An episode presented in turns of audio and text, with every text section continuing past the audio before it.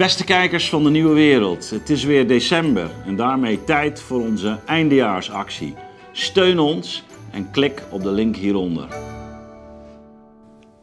Welkom bij de Nieuwe Wereld, verdiepende gesprekken in een tijd van verandering. Mijn naam is Ad Verbrugge en vandaag is bij mij te gast Roland van der Vorst.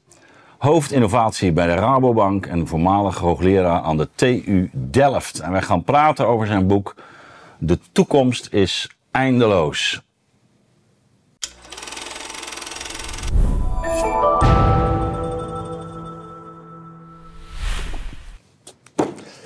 Nou, we hebben voor dit gesprek in ieder geval een einde, uh, Roland. maar ik moet wel zeggen, ik denk dat wij voor de kerst nog een keer een lang gesprek moeten doen. Lijkt me goed. Twee, drie uur. Lijkt me heel goed. Want ik heb ook jouw boek gelezen en dat geeft ook stof tot nadenken. Dus ik denk dat. Ja, ja, ja. De toekomst is eindeloos en de gezagscrisis. Twee ogenschijnlijk heel verschillende boeken. Ja. Maar toch uh, de nodige raakpunt. Dat trof mij ook toen ik het las. Ik denk, hé, hey, uh, vergelijkbare observaties. Tegelijkertijd natuurlijk vanuit een andere context en een andere duiding. En daarmee ook een andere waardering in bepaalde gevallen, maar toch vergelijkbare uh, intuïties. Ja. Um, ja, je boek behelst heel veel, zoals gezegd. Dus we gaan gewoon uh, nu uh, één lijn proberen te trekken. En um, ja, wat mij betreft is dat meteen het, het begin. Dat is ook het einde van je boek. En een heel persoonlijke ervaring die je beschrijft in Noorwegen, waarin je een soort vision quest uh, gehad. Ik neem aan dat het dat geweest is. Nou, het is iets anders. Hè? Uh, maar het was wel volledige deprivatie. Geen, geen digitale in je eentje uh, ja. gaan wandelen in een, op een, in een gebied wat volledig verlaten is. Geen horloge. Nee, en 36 uur ja. daar. Ja. Alleen. Ja. Ja.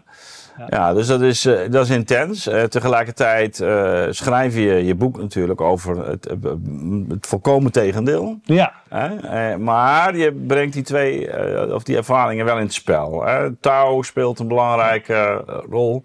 Traditie van boeddhisme. Je, je maakt uitstapjes naar filosofen, naar ehm, romantici, naar uh, te techniek uh, en mediawetenschappers, McLuhan ja. haal je aan, uh, die ik ook regelmatig gebruik. En, en ja, je zou kunnen zeggen dat eigenlijk jou, jou, de grote inzet van je boek is toch de vraag van wat doet eigenlijk dit medium, of digitalisering in dit geval, als een proces, wat doet dat met het menselijk denken? Ja. dat is de. Ja. ja. En, en um, uh, nu, nu, zou je kunnen zeggen, uh, zelfs die nadruk op denken is natuurlijk al specifiek. Hè? Ook, ook gezien jouw uh, ja, thematisering van de zintuigen bijvoorbeeld. Ja. Maar goed, toch wel, het gaat om de, de, de manier waarop wij eigenlijk ook onze ervaring en ons leven structureren. Ja. Dat kun, ja. kun, je, kun, je, zo zeggen. En, um, uh, nou, daar zitten, zitten verschillende lijnen in. Ik, ik, ga, ik ga er daar een paar van proberen aan te stippen. Uh, maar toch, uh, waarom die, dit begin? Zo in, in Noorwegen en... De, de reden daarvoor... Kijk, je kunt mijn boek eigenlijk op verschillende manieren lezen. Mm -hmm. Er zit natuurlijk een intellectuele vraag aan. Namelijk, ja. inderdaad, wat is de impact van digitalisering op ons denken? Maar je zou het ook kunnen lezen als een pleidooi voor de directe ervaring. Ja. ja. He, dus uh, datgene wat digitalisering niet doet, het weerhoudt ons eigenlijk van de directe ervaring. Dus je ziet ook dat ik in het boek en de manier waarop ik het geschreven heb, eigenlijk uh, het beschrijf vanuit mijn ervaring. Ik begin bij die ervaring ja. zonder technologie. Namelijk in een bos, als je totaal niets hebt. Je, je hebt eigenlijk geen technologie, helemaal niets. En die ervaring komt, die wereld komt heel dicht bij je binnen. Dus ik vond dat een heel mooi contrast ten opzichte van hoe wij normaal leven, namelijk gemedieerd met digitalisering. Maar ik zet dat idee ook eigenlijk door het hele boek door. Hè? Dus je volgt mij op het, in het, op het strand, in het bos, uh, in ja, het vliegtuig, de door de stad. Dus ik probeer voortdurend eigenlijk de directe ervaring te koppelen ja. aan de thematiek van digitalisering. Ja. behalve dat ik hoop dat het daardoor lekkerder leest, is het ook een bewuste keuze ja. geweest. Ja, je komt ook wel als een reiziger ja. ja. tevoorschijn in, in, dit boek. Hè? Ja, zo voel ik me. En, um, nou ja, goed, dat is, dat is ook nog wel een vraag die ik heb. Hè? Voor, voor, voor wie is het geschreven? Maar daar, daar komen we nog wel daar komen we nog op. Um, Laten we toch beginnen met uh, het belangrijke eerste, eerste gedeelte in je boek. Waarin je eigenlijk een soort eerste korte kenschets geeft van de verandering van tijd. Ja. Uh, misschien kun je dat ook, ook voor de, de lezer die, uh, of degene die je boek nog niet heeft gelezen, dat zullen de meeste zijn, toch kort, kort proberen te schetsen. Ja, nou kijk, wat is de essentie van digitalisering op ons denken? Even toch ook met McLuhan in het achterhoofd, wat ik als context. Hè, McLuhan zei het schrift heeft ons eigenlijk volgordelijker laten denken. Ja.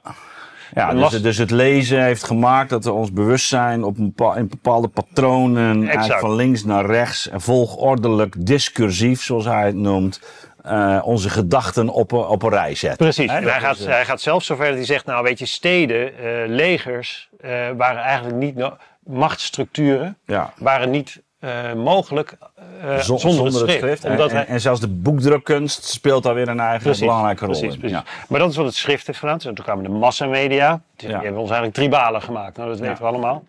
Dus mijn hoofdvraag was, wat doet digitalisering eigenlijk? En de kern van mijn betoog is, wat digitalisering doet, is ze haalt het einde uit ons denken. Mm -hmm.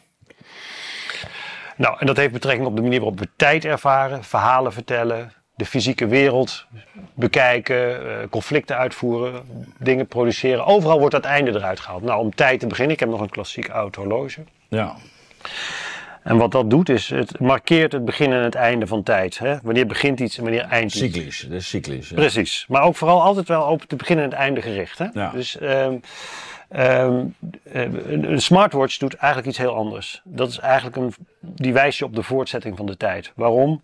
Nou, je krijgt een uh, suggestie van een doel wat je kunt behalen. Bijvoorbeeld een stappenteller zit erop, mijn bloeddruk wordt gemeten, uh, mijn afspraak uh, wordt duidelijk gemaakt. Hé, hey, er is weer een nieuwe afspraak. Ja. Dus daar we de analoge tijd eigenlijk tijd ziet als een afgerond moment met een begin en een eind. Doet digitale tijd is eigenlijk een voort, voortdurende voortzetting van de tijd. De momenten worden voortdurend opgerekt. Er is altijd weer een nieuwe suggestie, er is altijd weer een nieuw doel. Je wordt eigenlijk voortdurend gewezen op volgend moment waar je iets mee kan doen. Dus het einde wordt eigenlijk uit de tijd gehaald, zou je kunnen zeggen. Dat geldt niet alleen voor tijd, dat geldt ook voor verhalen. Ja, dat is natuurlijk ook wel de, ervaring die menigeen heeft. Hè? Wanneer je op een gegeven moment op je YouTube zit en nou, kijk je een filmpje. Oh, er komt nog een suggestie. En, plotseling is het dan drie uur. Ja, ja. Dus, dus, je wordt meegenomen ja. in iets wat in zichzelf geen einde kent. En wat je steeds, steeds maar weer prikkelt ja. op. En, en dat is eigenlijk wat je benadrukt. Hè? Dus, dus je ja, je, je, je dreigt jezelf ook, uh, ook te verliezen daarin, ja. Hè? Uh, mee te gaan daarin. Ja.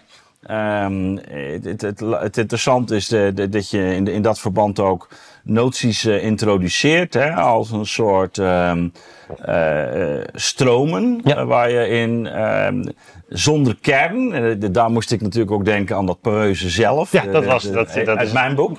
Absoluut. dat is de, ehm, dus dat, wat, dat vond ik ook een treffende ja, eigenlijk overeenkomst. Ja. Um, nu, nu moest ik bij precies dat deel ook, ook wel denken aan een tekst van um, uh, uh, Hendrik van den Berg, misschien Keim, de, de grondlegger van de zogenoemde Metabletica.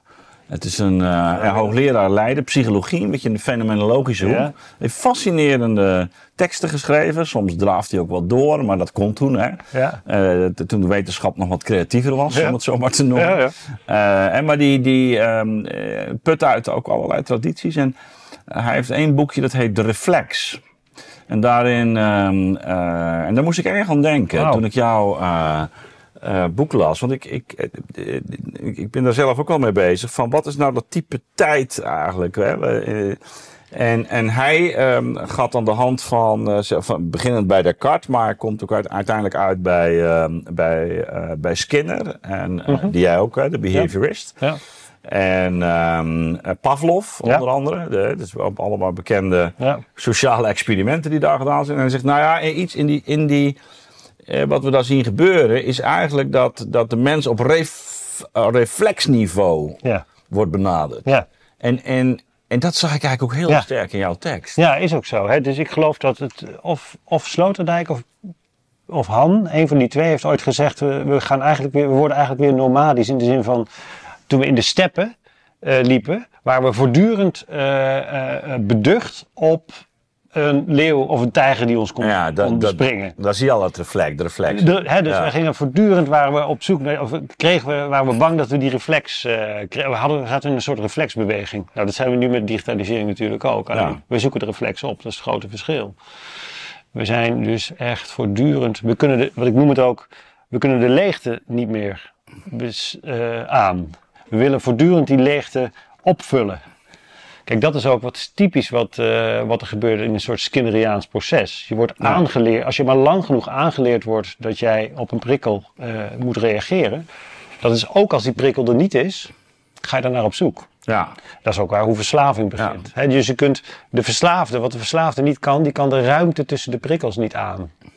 Dus het is niet eens zozeer dat hij altijd geprikkeld wordt, maar hij kan die leegte, die ruimte niet aan. Dus hij gaat voortdurend op zoek naar die die prikkel. Ja, de stimulant. Die stimulant.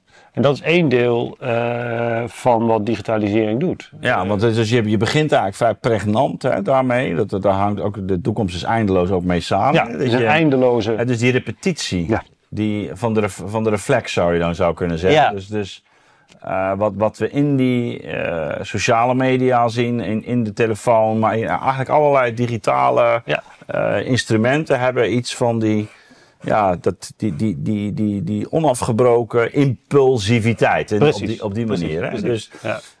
Um, dus je schetst ook uh, dat dat iets doet met inderdaad uh, uh, mijn verhouding tot tijd. Hè? Dat Absoluut. Is, Absoluut. Um, ja. Een, een, een, een ander onderdeel wat je daarbij introduceert, vond ik, dat sluit hier voor een deel op aan, is dat het, dat het niet alleen maar de ene prikkel is na de andere, maar dat er ook um, eigenlijk een vorm van optimalisering, de neiging tot optimalisering ja. uh, bij zit. Hè? Je ja. geeft, je geeft uh, uh, verschillende bespiegelingen in die verschillende ruimtes ook voorbeelden van. Um, bijvoorbeeld het swipen, de Tinder dates. De, misschien kun je even kort toch ook dat introduceren. Dus je hebt de prikkel, dat kennen we eigenlijk allemaal uit. Van het, de pushberichten, de, de WhatsApps, maar ook de, de noem maar op. Maar ja. die optimalisering. Ja, dat, dat, er is uh, een heel mooi begrip. Dat heeft, uh, uh, dat heet parametrische optimalisatie. Dat is, vind ik een heel mooi begrip. En dat, dat zegt eigenlijk op een moment... Rosa heeft heeft, ja, precies. Ik was even zijn naam, ja. ja. Die zegt eigenlijk op het moment dat je iets kunt meten, wil je het ook verbeteren. Ja. En dat is iets wat je absoluut. Uh, ik zeg ook, je komt in het mentale model van de overtreffende trap. Kijk, de vraag is hoe kom je in het mentale model van de overtreffende trap? Dat je voortdurend iets meer wil. En dat heeft onder andere te maken met het feit dat we heel veel meten. Dus als je iets weet, als jij nu naar sportschool gaat. Het eerste wat er gedaan wordt bij je is je wordt helemaal uh, uh, gemeten, ja. er worden doelen gesteld en, en dat is wat er gebeurt. Uh, en dat geldt niet alleen voor de sportschool, dat geldt op heel veel aspecten van ons leven. En op het moment dat we gaan meten, je weet het zelf ook, als je helemaal die stappenteller hebt, nou, we gaan dan kijken of ik die 10.000 elfte, of ik het toch kan doen. En daarmee ga je toch, wil je toch verbeteren. Oh, je geeft dat mooie voorbeeld van die vriend van jou. Oh, geweldig. Een, ja. Vertel even. Ja, dat was geweldig. Een mooie illustratie. Ja, ja, ik, had, ik had een vriend die, die, die, toen ik, ik ben ooit begonnen in de reclame, ja. uh, heel lang geleden. En die uh, had een shoot in L.A. Ja. En die, uh, nou, dat, was nogal dat zijn ongezonde tripjes. Dus die dacht, laat ik me dan gewoon, ik zit daar toch drie, drie weken. Laat ik mij onderdompelen in die, uh, in die uh, lichaams, de, de lichaamscultus ja. van Californië. Dus die nam een abonnement op een sportschool voor drie weken. En ook een personal trainer, zo'n grote kerel. Dus die gaat, op een gegeven moment zat hij op zo'n fiets, fietsje. Uh, en hij rennen, rennen, of fietsen, fietsen. En op dat fietsje was een schermpje. En je kent het nog wel, we het nog steeds hebben tegenwoordig. Maar dan zie je jezelf op dat schermpje in het peloton. Dus hij uh, race, race en hij zag zichzelf inderdaad naar voren komen, naar voren komen. Maar telkens op het moment dat hij dacht, ik haal diegene in, uh, werd hij weer ingehaald door iemand anders. Dus hij kwam telkens niet voorbij die eerste. Ja, harde trappen. Dus hij harde trappen, harde trappen, harde trappen. En op een gegeven moment komt die, die fitnessman, die komt hem toe en zegt, joh, doe eens rustig aan, wat is er met jou gebeurd? Hij is er licht uit. Ja, ik ben er bijna telkens, maar telkens als ik ben, gaat diegene die ervoor zit, die gaat, gaat me weer voorbij. En zegt hij, ja, maar jij bent die eerste. En, en, dat vond ik zo goed. Dus hij dacht dat hij de tweede was, maar hij was die eerste. Dus hij was in feite zichzelf... Aan het, aan het oppompen. Aan het oppompen. En dat is ook wel een mooie metafoor. Hè? Dus je, je, je ziet hoe je presteert. En vervolgens ga je, wil je het eigenlijk maar beter doen. Dus heel menselijk. Ja. En, ehm, Maar jij breidt dat dus uit, hè? Want het gaat niet alleen over die sportprestaties, maar je zegt we zien dat eigenlijk op allerlei domeinen. Je ziet dat ook op Tinder. Hè? Dus op, wat ik een van, de, een van de meest fascinerende dingen die ik vind die er gebeuren is het volgende. Kijk. Je zou kunnen zeggen, digitalisering geeft ons heel veel openheid en mogelijkheden. Je kunt op Tinder heel veel dates hebben. eigenlijk geweldig als je het vergelijkt met vroeger in de mm. café. Um, dus dat is in principe een geweldige wereld. Maar wat gebeurt er met die wereld? Hoe meer mogelijkheden je hebt, hoe meer mensen zich gaan fixeren op een ideaal. Dat is een heel paradoxale situatie. Hè? Dus wat, je, wat er eigenlijk gebeurt, er is onderzoek onder andere bij Esther Perel, die heeft laten zien dat mensen die op Tinder zijn en heel veel partners hebben, die, worden nog, die gaan nog meer die, die, die ideale huwelijkskandidaat belangrijk maken. Dus dat, dat doel, van die ideale huwelijkskandidaat wordt nog belangrijker. Terwijl je juist zou zeggen, nou joh, je hebt zoveel van die dates, geniet ervan, doe je ding. Maar omdat die ideale huwelijkskandidaat zo belangrijk wordt, worden ze hartstikke gefrustreerd. Want niemand kan er al voldoen, want bij elke suggestie van een nieuwe kandidaat scherpt dat ideaal zich aan. Dus mensen fixeren zich steeds meer op een ideaal. Op een soort ideale positie. Nou, en dat, dat, dat, dat gebruik je eigenlijk in een vrij brede zin. Ja. Dus, dus hoe die reflexen eigenlijk patronen creëren. Dus, dus ogenschijnlijke openheid. Vind je, en we kennen natuurlijk dat nu allemaal. Mensen spreken over de bubbels hè, en over de tunnels. En de, en, maar jij verbindt dat inderdaad met. Uh, ja, eigenlijk ook met, met wat, wat digitalisering en optimalisering eigenlijk teweeg brengen. Kijk, de, ehm, social media is een heel goed voorbeeld. Hè? Dus uh, het blijkt uit onderzoek zo te zijn dat mensen die in een bubbel zitten, we denken altijd, die luisteren en zien alleen maar gelijkgestemden. Maar dat blijkt dus niet het geval te zijn. Hè? Mensen die ook in een heel erge bubbel zitten, die geven zich juist rekenschap van andersdenkenden. Maar in plaats van dat ze die openheid zien als een manier om hun geest te openen, verstart dat hun eigen positie. Dus ze gaan nog meer geloven in hun eigen positie, juist wanneer ze kennis nemen van die openheid. Het is eigenlijk hetzelfde patroon. Ja, hoewel het, het is natuurlijk een iets andere. Ik, ik verbind die zelf ook met dat de identiteit mede in de strijd komt te liggen. Hm? Dus dat ik die andere nodig heb, in zekere zin, om, om, om mezelf te definiëren. Dat is het. Ja, ja, dat, is, dat, dat ligt dus niet alleen maar aan digitalisering. Dat ben ik helemaal met je eens. Maar het speelt wel. Ik vind, mm. het, een ik vind het fascinerend. Ook eh, als je het hebt over identiteit dan. Hè? Dus ik vind het fascinerend dat wij heel veel digitale identiteiten kunnen hebben. Hè? Mijn identiteit is eigenlijk een soort versplinterd. Jij noemt het een poreus zelf. Hè? Waar is nou de kern? Uh, het, is, het, is, uh, ja, het verhaal van. Um, van uh, Her wordt heel vaak genoemd. Hè? Maar ja, wat ik heel vaak wordt dat verhaal genoemd in, in, in de context van jeetje, we maken ons afhankelijk van één digitale assistent. Maar er is een geweldige scène in die, in die film. Voor mensen die het niet gezien hebben. Mhm. Digitale assistent. Uh, Samantha. Samantha. En iemand wordt daar verliefd op. Maar er is een, de mooiste scène in die film, vind ik. Is als die man zit op de trap. En die praat met Samantha. Is inmiddels een verliefd op zijn digitale assistent. En die vraagt aan haar Ehm, praat je op dit moment ook met andere mannen? En dan zegt ze uh, ja.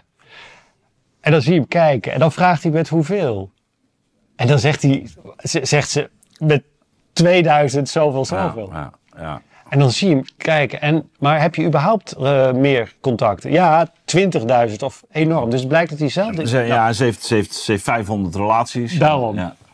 Het interessante, wij zijn Samantha. Mm. Wat ik bedoel te zeggen is, wij worden steeds meer een volledig versplinterd uh, uh, identiteitspalet aan. Uh, hè? Dus ik heb, een, ik heb zoveel verschillende identiteiten. Ik heb een groeps, in de groepsapp van, van, van mijn zoon ben ik anders dan in mijn LinkedIn profiel ben ik weer anders dan dat. Dus we zijn, wij sturen voortdurend al die verschillende identiteiten de wereld in. Dat wordt in de film ook uitgedrukt, hè? Want hij, zijn beroep is immers liefdesbrieven schrijven op bestelling. Ja. Dus hij de meest intieme momenten. Ja, is geweldig dus hij, hij, als, hij, schrijft liefdesbrieven. Ja. Dat wordt nu, nu trouwens overgenomen, overgenomen door chat natuurlijk. Ja, precies. Maar goed. Precies, precies, ehm, precies. Maar, maar dat, dat is zijn beroep. dus daar, daar zit dat al helemaal in. Maar je ziet hetzelfde fenomeen ook daar. Want je zou kunnen zeggen, je kunt heel cultuurpers. Ik, het is mijn uitgever toen hij het las, zei hij: het is een verontrustend, maar tegelijkertijd een hoopgevend mm. boek. Want je kunt zeggen, ja, al die verschillende identiteiten, wie ben ik nog? Wie ben ik nog als ik al die dingen ben? Dus vandaar al die, al die cursussen nu over wie ben ik en authentieke zelf. En dan gaan mensen allemaal opschrijven wie ze nou echt zijn. En, en, en nou, ik kom uit de, uit de, uit de, uit de merken, uh, ben ik ooit begonnen. En ik, ik ken die exercities. Weet je, oh, je moet nu in een concept vatten wie je bent. Nou, ze gaan ook naar Noorwegen toe, hè? Nee, ze gaan ook naar Noorwegen, is, zeker, uh, zeker. Of, of, op een vision quest. Dus wat is mijn, wat is mijn, wat is mijn bestemming? Nee, maar, denk maar, ook hier weer, die veelheid aan dingen leidt weer tot fixatie. Ja. Leidt weer tot fixatie op wie ben ik en dan moet ik aan vasthouden. En dat is, een, dat is een, een voor mij, ik denk dat dat een weg is, een doodlopende weg is. Ja, dat, dat noem ik in, in, in mijn boek enggeestigheid. Ja, die, eng, die verenging. Dus die eng, eng, maar ook, ook met alle angst die erbij hoort. Hè? Dus, dat is de, het vreemde en het andere. En het, uh, maar dus, dus dat herkende ik meteen. Die, als je dus een vergelijking maakt met, met, met 200 jaar geleden, dan zou je ook kunnen zeggen: toen heeft de wereld zich ook geopend, 300 jaar geleden. We hadden ontdekkingsreizigers. Nou, weet je, we gingen allemaal. Het was een openheid aan mogelijkheden. Dat heeft in zekere zin ook onze geest geopend zou je kunnen zeggen. Het is niet voor niks dat de blauw, dat de staten aan de zeekant. Absoluut opener. Open. Ja. Wat gebeurt er nu? We hebben veel meer mogelijkheden. Ja. Maar wat we doen is we fixeren ons. Het sluit zich volledig. Ja. Dat vind ik fascinerend. Ja, nee, absoluut. Dat is ook een motief dat ik heel erg herken. En, en, en ja, wat je ook heel mooi beschrijft, vind ik ook sterk aan het boek. Uh, uh, ik, ik, je gebruikt mooie metaforen, maar ook die, die, dat, dat, dat samenspel tussen de, de locaties waar je bent. Hè? Dus, de, dus de stad of het strand, uh, of op die wolkenkrabber, hè, Manhattan. en tegelijkertijd eigenlijk van daaruit ook weer uh, ja, naar een beschrijving toe. Wat er in die digitalisering gebeurt. En ik heb ooit een keer uh, bijvoorbeeld om, om uh, de werking van surfen uit te leggen. En de, de verandering van de ruimte. Dat is ook is misschien ook wel verschil tussen jou en mijn benadering trouwens. Want ik ben, ik ben heel erg veel met die ruimte expliciet ook bezig. En met het lijf en die mm. ontlijving. Maar, maar um, dan vertrok ik vanuit um, uh, wat er gebeurt als je, de, als je de, de metro neemt in een stad. En dat, dat, dat zitten in die metro is een soort van, uh, de ondergrondse, is, is een soort van tussentijd. En waarin je dan plotseling weer boven komt. En dat is een site. En ik, eh, dat was mijn ervaring die ik in Parijs had, maar ook trouwens in New York. Ja. En, en je hebt eigenlijk geen idee waar, dit gesitueerd is in de stad. Ja. Dus je ontheemt. Of je, ja, ja, ja, dat is een raar. En, en dat uit elkaar trekken. Ja, ja dat vond ik eigenlijk heel typerend voor wat er ook vaak gebeurt. Dus die decontextualisering. Of die, die wat je ook die verbrokkeling noemt. Ja. Ja. Die eigenlijk ook in, voor een deel dus in moderne... Dus als je gaat wandelen in de stad... Ja. Dan heb je, krijg je een ander soort vertrouwdheid. En dan leer je, leer je die straten kennen. En, en, en, en, en, ben je, en, en, en, ook in jouw beschrijving en merk je echt van... Dit is een van de schaduwzijden. Ja, dat je echt in die in die, in die, in, oh, inderdaad op sites in, in stukjes ja. wordt gehakt. Ja, ja. soort en, pre-gecategoriseerd. Hè? Je wordt in, ja, in stukjes gehakt. In stukjes en, en, dus dat is de, ja. Uh, de, het boek van, hij ligt daar, eh, Friedrich Jünger, die, die spreekt over, um, letterlijk over eh, de perfectie van de techniek. Over de Zerstückelung. Mooi. Ja, dat, ja, dus, daar, dus kunnen de, Duitsers als geen ander. Dat is het, uh, maar het is, ook, het is ook wel verbrokkeling. Ja. Hè? Dus, dus, ja. Uh, ja. En, en, en Mark heeft het wel vertaald met uh, verstukkeling. Dat komt, dus kennelijk een, ook een. Uh, maar in, in, in stukken hakken is het Mooi. eigenlijk. Maar Mooi. verbrokkeling is, maar het is actiever dan. dan mm. het, is, het is ook echt het breken in stukken of in stukken hakken. Ja, Heel, ja, ja. wat je zegt klopt. Want ik ben op een gegeven moment ook zo echt gaan kijken. Hè? Dus als, je, als, je, als ik in het bos loop dan volg ik niet voor niks de romantiek. Ja. want dat, dat, de romantici zijn natuurlijk met het, veel meer met de natuur uh, verbonden. Ja. Als ik in de lucht zit, heb ik het over.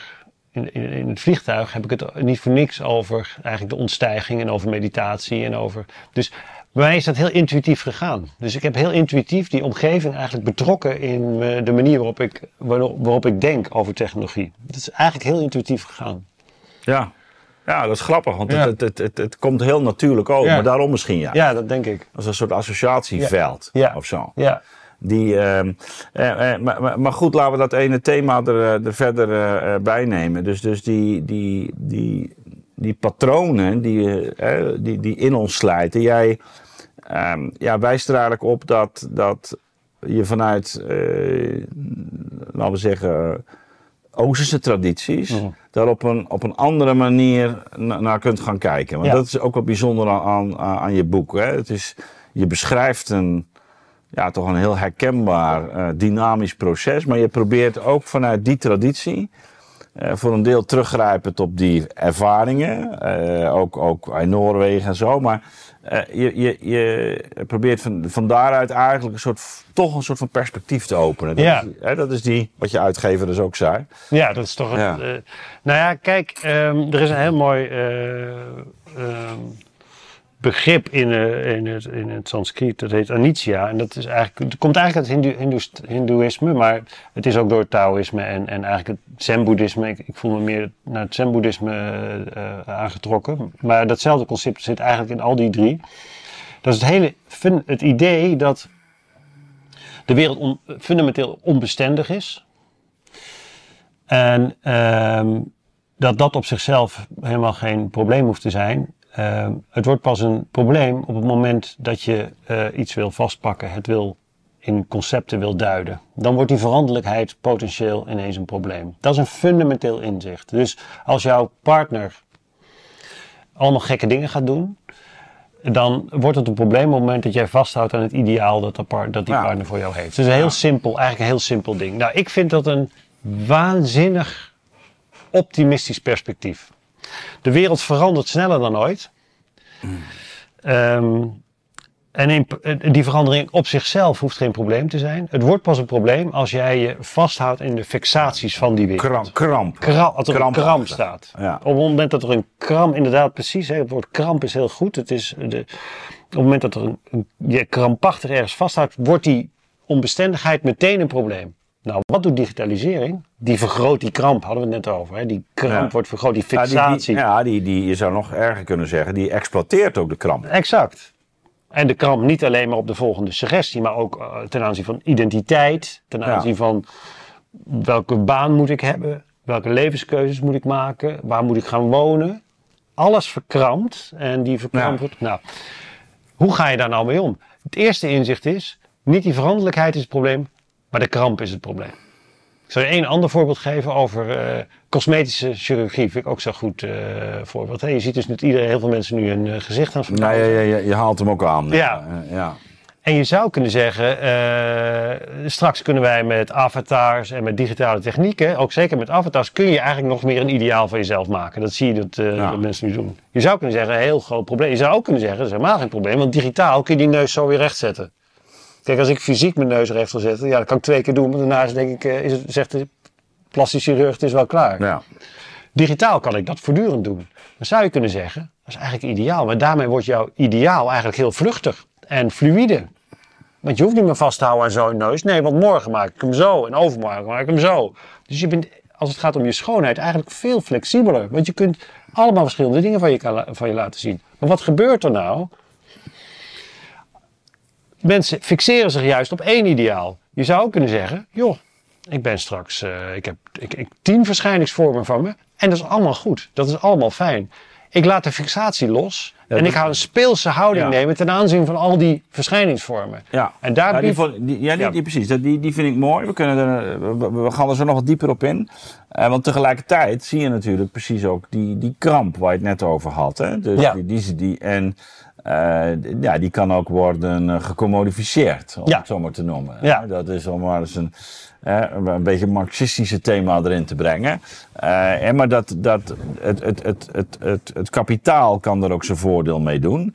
er kan een hele industrie omheen ja. worden gebouwd. Ja. En, en je ziet daar eigenlijk ook vreemde fenomenen. Hè? Dus dat die tuitmondjes leiden tot, tot lipvullers en... en ja. Um, en, en, en dat ik soms het idee heb van, zien mensen zelf niet meer hoe lelijk het is. Ja, ja. Ze, ze hebben niet meer door. Nee. Dus alsof, het is, het is bijna uh, zoals bepaalde evolutionaire uh, ontwikkelingen ook wel worden beschreven. Ja. En van hoe kan het nou dat een pauw zo'n staart heeft, weet je? Dat, dat, is, ja. uh, daar, dat is toch helemaal niet meer functioneel. En, en eh, maar dat, dat wordt ook door um, variatie en selectie en ook ja. seksuele ja. selectie wordt, is dat dan mede in de hand gewerkt. Maar je ziet dit bijna. Ja, maar ik denk, uh, ik denk evolutie uh, om voor je, voor je. Maar als ik die tuit, tuit hoe heet het? Die tuitlepjes. zie, ik, uh, het zou mij niks verbazen als de mensen die die hebben, die dat slechts als een tussenstap zien. Mhm. Dus ook dat weer iets wat voortdurend verbeterd ja, moet worden. Nee, maar dan groeit het ook. Ja, dus, dus je denkt, ja, misschien ziet het er nu niet uit. Weet je, sommigen die dan uh, nog groter of met tattoos, nog meer. Het is... Uh, ik, ik ben met studenten nou Plato aan het lezen. En, en Plato geeft er eigenlijk uh, al, al, in het eerste boek uh, van de staat een hele mooie karakterisering. Het is heel belangrijk voor hem. En ik, ik, ik, ik ben steeds meer op de diepte daarvan gaan begrijpen. Toen ik jouw boek las, dacht ik daar ook weer aan. En hij noemt dat uh, fenomeen noemt hij pleonexia. Wauw. Pleonexia. En uh, daar hoor je pleon al in. Pleon, ja. En, en, en, het is, je, je kunt het zo vertalen als steeds maar meer willen. Dat is het. Dus een soort. Ja, dus de, Gulzigheid. Het, is niet genoeg. Het Gulzig. meer willen. Ja. En, ja, maar, en, in alle opzichten. Ja. Dus het is ook hoger willen springen, verder, beter willen zijn dan die. En dat zit natuurlijk ook in, laten we zeggen, de, de neoliberale prestatiedruk. Absoluut. Zit dat natuurlijk ook van, uh, ik wil meer, ik wil beter. Ik wil, dus het is, en hij verbindt daar juist de techne. En dan moest ik denken aan een ander mooi onderdeel van jou. Daar kunnen we het dus meteen eh, dan over hebben. Waar je um, hoe spreek je daarna? Ja, de, de, de ja, weet je wel, ja, niet, ja, ja, of zoiets. Ik, ik, ik, het lukt mij niet. Nee. Uh, vreselijk hè? Iedereen kent die man doordat zijn naam onuitspreekbaar is. Maar um, uh, uh, dat is het eigenlijk het tegendeel daarvan. Hè? Dus die flow als het tegendeel van dat onrustige, wat jij ook zegt, de, de, onrust van, um, van het meer. Uh, ja, heel simpel gezegd. Dat is uh, de oog op de bal, niet op het scorebord. Ja. Dat is in feite wat flow doet. Hè? Dus ja. flow, de flow uh, manier van denken is opgaan in de activiteit zelf. Ja. Of dat nou surfen is, of, of, of schrijven, of waarbij er een hele mooie combinatie is tussen uitdaging en inspanning. Met andere ja. woorden, je moet je inspannen, maar er is ook genoeg uitdaging. Niet te veel uitdaging, ook niet te veel inspanning. Er is een mooie combinatie tussen die twee. En um, wat veel digitale toepassingen doen, is dat ze juist het scorebord laten zien. En uh, je weg, uh, de aandacht weghalen. Ja, die vriend op de, fiets. Die vriend op de fiets, exact. Ja. ja, en ook, wat ik ook zo interessant vind, als je, als je één stap terugneemt en kijkt naar technologie, dan kun je zeggen dat alle technologie die wij ooit hebben uh, bedacht, we hebben gedaan voor een doel. Die dienen een doel. Een hamer dient een doel. Een wiel dient een doel. Een auto dient een doel. Maar die technologie heeft niet mijn gedrag doelgerichter gemaakt. Het is niet zo dat ik nou de hele dag uh, uh, op, met een doel door, door het leven ga omdat ik eenmaal een hamer heb. En dat is verschil met digitale technologie. Die, dat dient niet alleen een doel, maar voor je het weet ga ik alles doelgericht benaderen omdat ik nou eenmaal, omdat er een, een scorebord op zit. Nou, flow is eigenlijk het tegenovergestelde daarvan. Hè? Dus, dus eigenlijk zeggen niet op het, volgens mij heet het ook antiteleologisch volgens mij. Of, uh, hè? Dus, dus uh, weg van het doel gaan. Ja. En in de activiteit zelf opgaan. Nou, dat is typisch een remedie. Dat is meditatie, maar dat is ook uh, hardlopen. Dat is typisch een remedie om eigenlijk als een alternatief regime, zou je kunnen zeggen, ten opzichte van die digitalisering. Ja. Heel effectief. Ja, ja wat, wat, eh, wat je in dat verband opmerkt, hè, en, dat, en dat herkende ik ook, is, um, en, en daar, daar verwijs jij naar die meditatietechnieken, is dat je zegt, ja, we, we, een van de zaken die wij eigenlijk moeten ontwikkelen, ik zou kunnen zeggen, wat, excuses, wat de stoïci ja. Uh, onthechting noemen, hè, maar, maar wat natuurlijk ook in die traditie zit. Ja is dus dat je niet vastzit aan dat meer of aan die patronen. Ja. En dat je ook niet in je denken voortdurend, oh, ik moet dit, ik moet dat, ik moet zus, ik moet dus die. En, en je zegt, ja, er moet een soort afstand. Hè? Dat is natuurlijk wat die meditatietechniek ook wordt geoefend. Dat je jezelf gaat observeren. Ja. Eigenlijk, hè? En je gedachten gaat observeren. Ja, ja, ja. ja, het grappige is dat ik, uh, uh, uh, nee, ik, ik speel ook tafeltennis. En um, uh, daar zijn Aziaten natuurlijk heel erg goed in. Dat kun je niet anders dan. Dat kun je, uh, nou ja, en het grappige is dat ik echt, echt al jaren tegen me zeg: ik, ik moet de bal loslaten. Ja. En dat is een. Uh, en ik, en ik, weet, ik moet me dat iedere keer. Dat, ik, dat je wanneer je slag gemaakt hebt, ja. moet je weer terug. Ja. In plaats van dat je bij die slag blijft. Je moet in, je, je, trainen om in die activiteit te zitten. Ja, maar, maar, maar in die activiteit moet je dus steeds opnieuw naar die openheid. Dus dat je niet in het patroon. Ja. Eh, ja. zijn, zijn vroeger ook dingen die ik rond de training helemaal fout heb gedaan. En dat ik in patronen ging trainen. Uh, en dan, dan, kun je hartstikke goed ja. dat patroon doen. Maar ja. als je een wedstrijd speelt, is, is het patronen niet. Ja. Uh, dus ik heb nu ook veel meer trainingsvormen, ook uh, die, die, die randomizer, zeg maar. Die gewoon, Waarbij je gewoon niet weet hoe de tegenstander, of in dit geval je medespeler, hem gaat spelen. Ja. En, dat, en dat betekent eigenlijk dat zodra je geslagen hebt, moet je, moet je weer los moet je loslaten. Ja, dat is wat de Taoïsten heel mooi hoe, hoe wij noemen. Hè? Hoe wij noemen. Dus doen door niet te doen. Dus, ja. die kramp, dus, dus een, een, een losse, intuïtieve, spontane houding aannemen ten opzichte van de wereld om je heen. Een van de moeilijkste dingen die er zijn. Juist tegenovergestelde van de krampachtigheid. Ja. Spontaan, los en intuïtief. Want wat jij zegt, eh, je geeft het ook heel mooi aan. In plaats van die patronen zeg je, je wordt eigenlijk aan alle kanten uh, wordt je Ja. gestimuleerd. En dan doet het een beroep op iets heel anders dan alleen maar je cognitief vermogen. Het is niet voor niets dat die Oosterse vechtsporten ook zo gegrond zijn in die traditie. De Ja. beste vechters, die staan volledig open, zijn geconcentreerd. Eh, omdat ze daarin getraind zijn. Omdat ze dus juist niet in die patronen zitten en niet nadenken, maar die boren feitelijk een intuïtief arsenaal aan. Ja, precies. Wat we allemaal kennen. Ja, waar je dus een deel van die, eh, eh, laten we zeggen, reflexen, dus je zou Ja. kunnen zeggen, juist een soort vrij spel geeft. Exact. Dat is de, notie die je overigens ook introduceert, spel. Ja. Ik moest ook zelf denken aan even de homo ludens, die noem je niet. zozeer, Nee, maar die, die zitten wel door. eh, ja. ja. Ehm, je, je verwijst naar Schiller in dat Ja. verband. Hè, de, de esthetische Erziehung des Menschen. Precies. Waar die dat, eh, een prachtig boek Ja. overigens. Ehm, en dat is in, ook in jouw, ehm, eh, eh, ja, jouw discussie of het gesprek met de romantiek dat je, dat je voert. Ja. En, en, en je, je benadert het thema van spel, maar ook wat ik heel interessant vond. ehm, en dat sluit ook weer aan op dat, die, die, patronen, die st- verstarring en dat, ehm, en dat reflexachtige. Ehm, dat, dat fenomeen eh, waarin, waarin wij eigenlijk, eh, eh, ja, je zou, je zou kunnen zeggen, zo emotioneel reageren, eh, dat, dat ook in de emotie als het ware de, de sluiting plaatsvindt. Ja, ik, ik heb toevallig al net een week of wat geleden hier, ik heb wel eens elders, eh, maar hadden we ook een gesprek ook met Jelle, eh, misschien heb je wel gezien over affect, Ja, precies. gevoel en emotie. Ja, exact. Nou, dat zit En- erin. ja, dat zit er Ja. inderdaad helemaal in. Eh, maar misschien goed hoor, dat je dat ook nog even in, want het wordt natuurlijk vaak op één hoop Ja. gegooid. Ja. En, en jij maakt het mede met behulp van Han. Ja. Eh, ook vind ik een hele mooie, eh, ja, een hele mooie interpretatie waarin ook dat spel en die verbeelding ja. eh, een rol is. Misschien kun je Ja. leg even uit. Nou ja, kijk, eh, ehm, even een klein stapje naar, stukje naar de romantiek. Want je zou kunnen zeggen, de romanticus, de oerromanticus, heeft ook een soort eindeloos verlangen. Ja, daar verbind je het ook mee. hè? Wil je, dus die, de, voor de romanticus is de beste liefde een onbereikbare liefde. ja, Want eh, dan kun je er dan blijven hunkeren. ja, Dus eigenlijk is mijn punt van, hé, hey, wat interessant. Eh, eh, er zit ook een soort eindeloosheid in, die romantisch, in dat romantisch verlangen. Maar wat is nou het verschil tussen die romantische eindeloze verlangen en de eindeloze eh, gevoelstemperatuur van de digitale mens? En het grote verschil is dat de, dat de romantiek gaat over gevoel.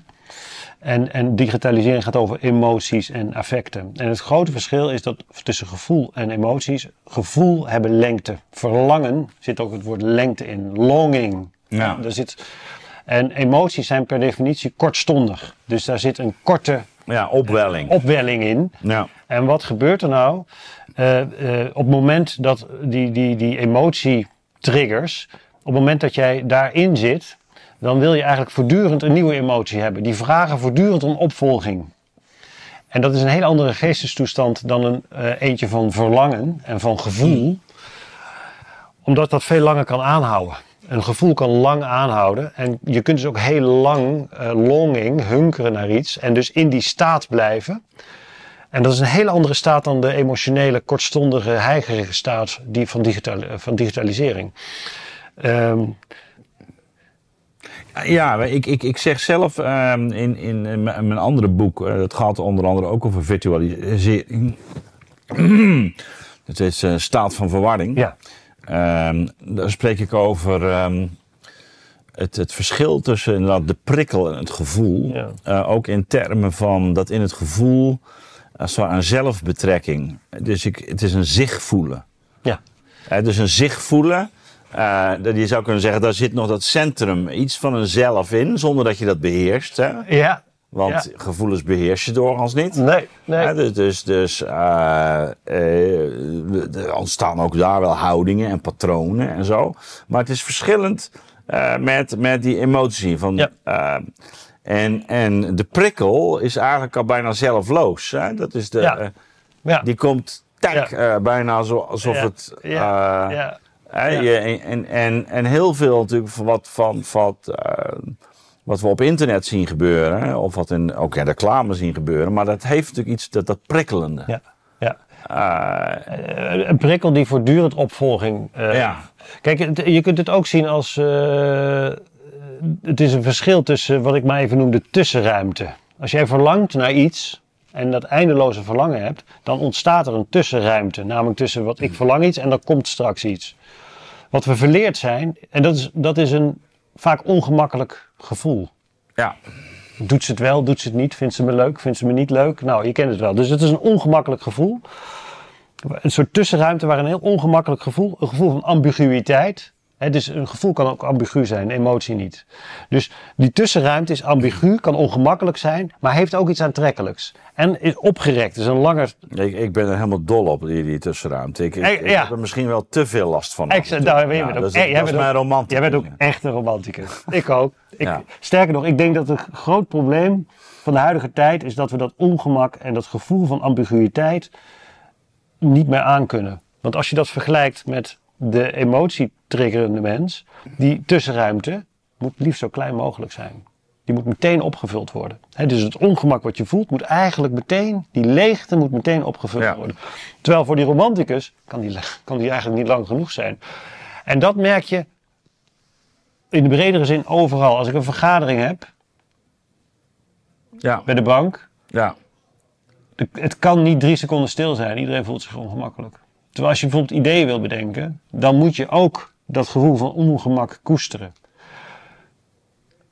Overal vinden we het heel moeilijk om die ruimte te laten bestaan. Nou ja, sterker nog, ik denk dat uh, het begin van het gesprek is eigenlijk al de sfeer.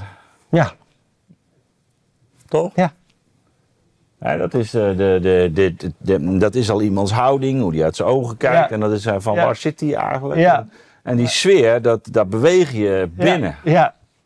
En, dat, en ik vind het fijn als die sfeer opgerekt is. In de Ja. zin- en, en ook Of benoemd wordt, hè, soms. Of benoemd of Ja. bespeeld. Ja. Of, of Ja. uh, Maar je moet maar eens opletten dat die, dat ongemakkelijke, of dat nou met verlangen te maken heeft met ambiguïteit, dat wordt ook weer geëxploiteerd. Dat wordt niet geaccepteerd. Eh, eh, first dates vind ik een goed voorbeeld.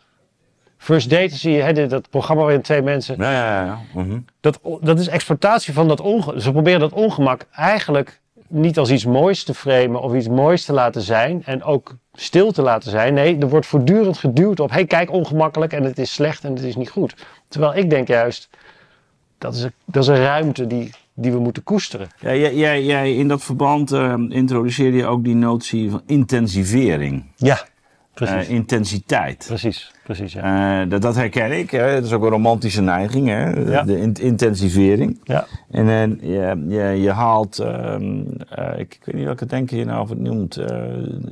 Ja, bij zijn naam was het soms. niet, niet per se een grootheid, maar die. Uh, nee, maar, Nee, maar- doet er ook niet toe. Maar Die heeft, die, die, die, die spreekt over variatie, versnelling en de eerste keer. de eerste keer. Eerste exact, keer. Exact, ja. En dat kennen we natuurlijk allemaal. Dus de, de, uh, de eerste keer. En terug willen, uh, terug willen naar de eerste keer. Uh, of terug willen naar het begin. Precies. Om met Coldplay. Yeah? Ja. Back to the start. Exact. Ja, dat is de. de Tristan Garcia. Dat, ja, ja. en. en uh, en je, dat is eigenlijk paradox, want ogenschijnlijk is dat dus iets wat, wat, wat digitalisering zou kunnen. Hè? Versnelling, variatie en ja. Uh, nou, misschien wel steeds nieuwe filmpjes, maar, maar het, het is juist niet. Nou, het interessante is, uh, er, er zijn het is weer de exploitatie van de eerste keer. Het is de exploitatie van de versnelling, de exploitatie van de variatie, waardoor het in dat emotionele domein wordt gegooid. Ja. De eerste keer als iets wat snel moet gebeuren, maar dan ook meteen weer opgevolgd moet worden. Terwijl de eerste keer in het romantisch ideaal is iets waar je naar uitkijkt, waar je naar hunkert, wat je misschien een keer uitstelt. Ja. Uh, is heel anders dan iets wat ik, ik heb dat dus. Ik, ben, ik, ik, ik vloog volgens mij in een vliegtuig. Hè, voor de eerste keer in mijn leven. Pas, pas uh, toen ik uh, echt diep in de. Nee, ik, ik was denk ik 3, 4, 3 34. Zo laat pas. Ja. En ik had het altijd uitgesteld. Niet omdat ik er bang voor was, maar ik vond eigenlijk, het is niet de plaats van de mensen. Wat, wat, dat was mijn. Uh, en en um, er zijn twee ervaringen met mijn eerste vliegtuigvlucht. En ik had er echt, echt, weet je, over intensiteit. Ik had, mm. er, ik had enorme, wat jij ook vertelde, maar enorme beelden bij. En die zijn me voor altijd bijgebleven. Ook gedachten die, die me voor altijd zijn bijgebleven. Um, maar inderdaad ook de eerste keer dat ik uh, op zee was en geen land meer zag. Wauw. Dat vond ik ook wow. zo. Dat vond ik ook wow. echt helemaal. Ja. Dus dat je. Ja. Oké, okay, nu. Hè, ik, ik, was, ik had altijd gezeild, gesurfd en, en allemaal. Altijd nog wel land op een gegeven moment... Nu werd ik los. Zo, en, en als CEO altijd nog in die... Ja, altijd zie je wel weer eilanden, ja, weet je wel. Ja, nu werd ik los. Ja, maar één keer helemaal los. En, ik, en, echt, die, ja, echt, ik werd inderdaad uh, emotioneel. Uh, maar het werd gevoeld. Het echt van, wat is dit, weet je wel? Ja. En... en eh, maar dat geeft inderdaad te denken. Dat nou, is de, het interessante is, je doet me denken aan een, aan, een, aan een ander inzicht, namelijk een van de dingen die me aansprak in jouw boek is, je had het over de, misschien geen tijd meer voor, maar over de zielsbetrokkenheid uh, op het leven. Hè? Dus je zou ook kunnen zeggen... Ja, dat uh, ziel versus geest, dat is ook eigenlijk die, die, die meer geestelijke en die meer zielsmatige betrokkenheid. Precies. Ja. Dat heeft heel veel raakvlakken met wat ik even noem die directe ervaring. Hè? Dus ja, dat absoluut. Je, dat je, absoluut ja. En als je je daarin traint, en dat kan op allerlei manieren, dan kan iets wat je al heel vaak meegemaakt hebt, ook ineens dezelfde emotionele lading krijgen en de diepte krijgen van een eerste keer ervaring. Ja. He, dus je kunt nog zo lang in het bos hebben gezeten. In Noorwegen ja. is een heel goed voorbeeld. Ik heb zo vaak in bossen gezeten, maar ik zat daar 36 uur en ineens sloeg het sloeg in als een, als een, als een bom. Werkelijk als een bom. Dat was een, was een enorme ervaring. Uh, ook een eerste keer ervaring maar die eigenlijk niks te maken had met, met ik had honderd keer in een bos gezeten. Maar doordat je je op een andere manier kunt openstellen ja, voor die wereld, op een ziels betrokken manier, zoals in jouw termen, zoals jij in jouw boek aangeeft, eh, krijg je dus een hele uh, diepgaande ervaring die lijkt op de eerste keer. Maar dat is een andere eerste keer ervaring ja. dan de getrigger. Ja, dat is mooi. Kierkegaard noemt dat ergens de, de herhaling. Ja. Of wie, in, Duits ook, of Wiederholung, Heidegger gebruikt het ook. Maar uh, en dan moet ik inderdaad, uh, moet ik ook mijn, mijn 95-jarige vader, als zodra die het onze vader gaat bidden, dan, dan is dat niet alsof hij iedere keer weer opnieuw, als het ware, die, die, die plek bezoekt. Vind ik zo wonderlijk, weet je wel. Dat, ja, dat is, dat, dit is een, jij noemt ook het voorbeeld van het ritueel, juist om uh, om, om, patronen te doorbreken. Ja, wat ik heel mooi vind, is, uh, Puet heeft daar veel over geschreven. Hè? Wij denken bij rituelen aan, aan eindeloze herhaling en verstarring. Ja. we moeten, of ja. ik moet, ik moet uh, ja, de rij staan of ik moet, ik moet allemaal dingetjes. en ik, ik, ik, ik, ik verstarring en ik moet me conformeren aan iets wat hoort, niet vrij. Terwijl in de Chinese traditie, in sommige Chinese tradities, is het rituele uh, principe precies andersom. Um, wij, kijk, wij zeggen bijvoorbeeld, in Amerika zeggen ze bijvoorbeeld, hoe gaat het met je? En dan zegt, die, uh, dan zegt iemand, uh, ja, geweldig. Ja. Nou, wij vinden dat niet authentiek, want hij meent het niet helemaal. Dus je zou kunnen zeggen, Dat is een hele rituele manier om, om, om te zeggen, ja, het gaat geweldig. Want meent hij dat nou wel? Wij vinden dat erg. Maar je zou er ook anders naar kunnen kijken. Het is namelijk eh, een, een vorm van bevrijding voor degene die, die het zegt. Die kan namelijk ineens een rol aannemen die anders is dan misschien dat die anders is. Absoluut. En daarmee is het eigenlijk dat hele ritueel een vorm van bevrijding. Ik vond het een geweldig inzicht. Nee, dat is, dat is ook eigenlijk het bevrijdende van de vorm. Ja, exact. En bevrijdende van de vorm. En, en dat is ja ook tegen de emotie. Absoluut. dus dus ehm, eh, ik heb het inderdaad in de loop der tijd uh, ook leren kennen. Bij bepaalde onderdelen. Ook, ook overigens waar het gaat om uh, vraagstukken in je leven. Van nou ja, hè, die is jaren, ga ik wel of niet. Bepaalde dingen gewoon, nee, altijd. Weet je, altijd. Ik, ik ga, ik, ik, is niet meer een kwestie. Ga, nee, dit is de onderdeel van het ritueel. Ja, exact. Dus ik voeg me daarin. En, en dan zeg je vaak, ah, toch wel blij dat ik gegaan ben. Weet je wel? Nou, waarom? Omdat je even iemand anders kan zijn. Ja, dat is het bevrijdende ook. Hè? Dus je kunt even in een rol stappen waardoor je gedwongen wordt iemand anders te zijn. En dat vind ik ook een heel mooi inzicht. Ja. Uh, ja, Ronald, ik zei al, uh, uh, Ronald, Roland, eh, ik zei al, we moeten dit eh, nog een keer uitvoeriger gaan doen. Want ik zei al, ik, ik, wist al, dit, we hebben hier te weinig tijd voor. Ja, dan, um, dus, dus ik stel voor dat we ergens voor, rond kerst, vind ik wel een mooi moment. Ik, ik, hoop dat de kijkers het ook leuk vinden. Maar dan gaan we gewoon open gesprek van twee, twee, tweeënhalf uur of zo. Geweldig. Uh, we hebben allebei uh, onze boeken, maar ja. we, we, gaan gewoon vrij over. Uh, Ga ik het ook over een aantal dingen die ik bij opvallen in jouw boek gaan we bespreken? Ja, prima. Vind ik leuk. Prima. Vind ja. ik leuk. ja, nee, maar toen ik het las, dacht ik, ja, dit, dit kunnen we helemaal niet in, een, in 50 minuten. Dus heel leuk. Super. Maar toch, volgens mij hebben we ook wel mooie dingen besproken. Absoluut. Dus dank je ervoor. Jij dank. Okay.